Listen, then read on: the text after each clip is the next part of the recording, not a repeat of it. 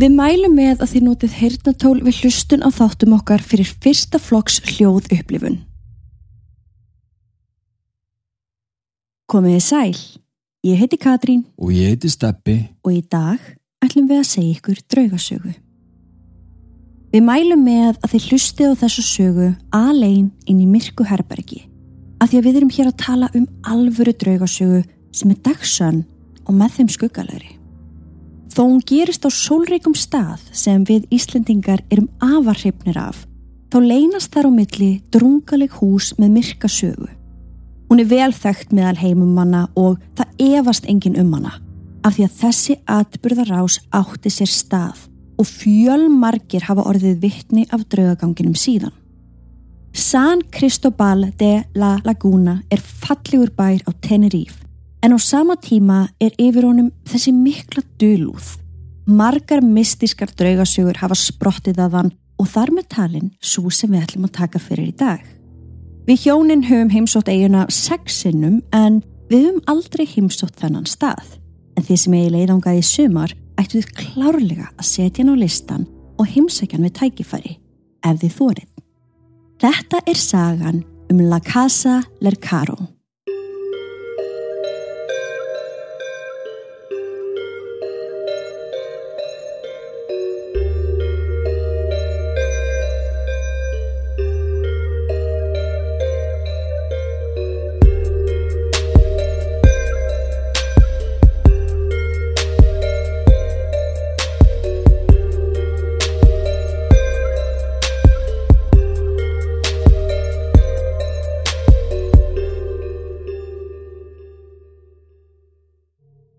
Við viljum minna á að draugasögurnar okkar eru ekki við hæfi barna nema með leifi fullorðina.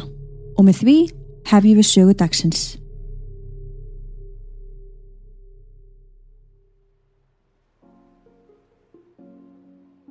Þessi bær er norðarlega á eiginni og þarna búa rúmlega 155.000 manns. Wow. Ég reynda veit ekki alveg í dag, ég, þetta voru frekar gamlar tölur, Mm held að það hafi verið 2020, ég menna það er alveg, Þrjú ár síðan. eða það eru þrjú ár síðan, ok, ekki meira svo sem.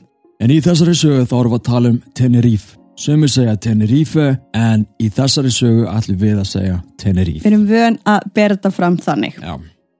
Við Íslendingar verðumst vera enga hrifin af þessari litlu fallegu eigi. En við erum kannski ekkit endilega svo fróðum söguðunar. Svona til gamans til þess að fá meiri dýft í okkar sögu í dag, þá var þessi staður eitt sinn höfuborg eigunar og alveg fram til byrjun 19. aldar. Og árið 1999 komu samtíkin UNESCO sem eru The United Nations Educational, Scientific and Cultural Organization sem að, hérna, ég ætla að vona að ég segja að byrja rétt fram. já. Og þau settu borgin á lista sem heitir World Heritage List. Þetta er ekkit smá. Ég veit það, en þetta er listi af stöðum sem þykja merkilegir og bera mikið sögulegt gildi eins og til dæmis píramítarnir í Egyptalandi og Grand Canyon í Bandaríkjanum. Mm. Það er alveg cool að vera á þessum lista. Já, já. Við ætlum svo sem ekki að fara neitt dýbra í af hverju bærim var settur á hana lista. Þarna var bara verið að setja fordæmi fyrir því hvernig bærin var byggður upp og þessi hugmyndafræði fór sér til bandaríkjana setna mér veit ég. Þannig að, já, það er rauninni saga út fyrir sig. Ok.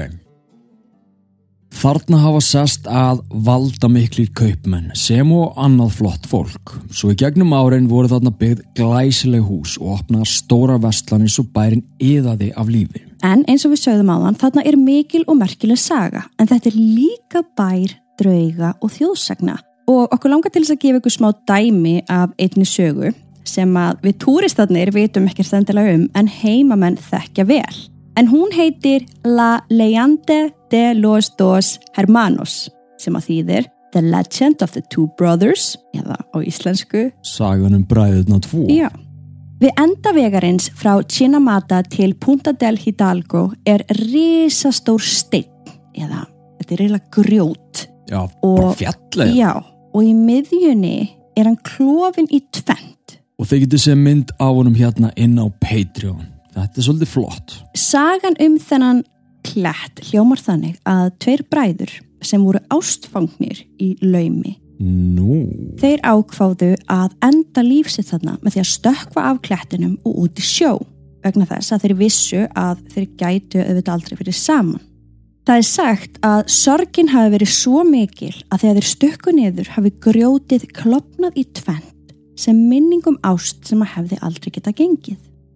wow. Og þeir sjáðu hérna hvernig hann er svona klófin í tvent. já, Og ég rakst alveg á nokkrar sögur svona í þessum dúr Mhm. en mér ást þessi svona, ást hún flottist. já, hún er alveg merkileg og minnir mann svolítið á Ísland líka við eigum fullt af svona klættum og fjöllum sem að einmitt bera svona svipaða sögu með sér Algjörlega og þetta gefur mann svona hugmynd, ok, heimamenn eru með einhverja svona hinur og þessar sögur um mm Mhm. á þessa staði sem við túristatinn erum bara aldrei að fá að heyra. Nei, nei, af því að spánverjar eru miklir drauga svona, hvað sem er, hjátrúafullir Já, og þeir já. vita alveg af þessu fantasma sem þeir kalla en er ekkert að tala um það en þessi klættir Fáðu aðgang að yfir 350 þáttum, rannsóknum okkar, sönnunagögnum, viðtölum, mymböndum og okkar geysi vinsalu mánudags mínisögum ásamt alls konar aukaefni. Allt saman strax við skráningu. Engin binding og meiri sem sér app fyrir alla þættina til að auðvelda þér aðgengið.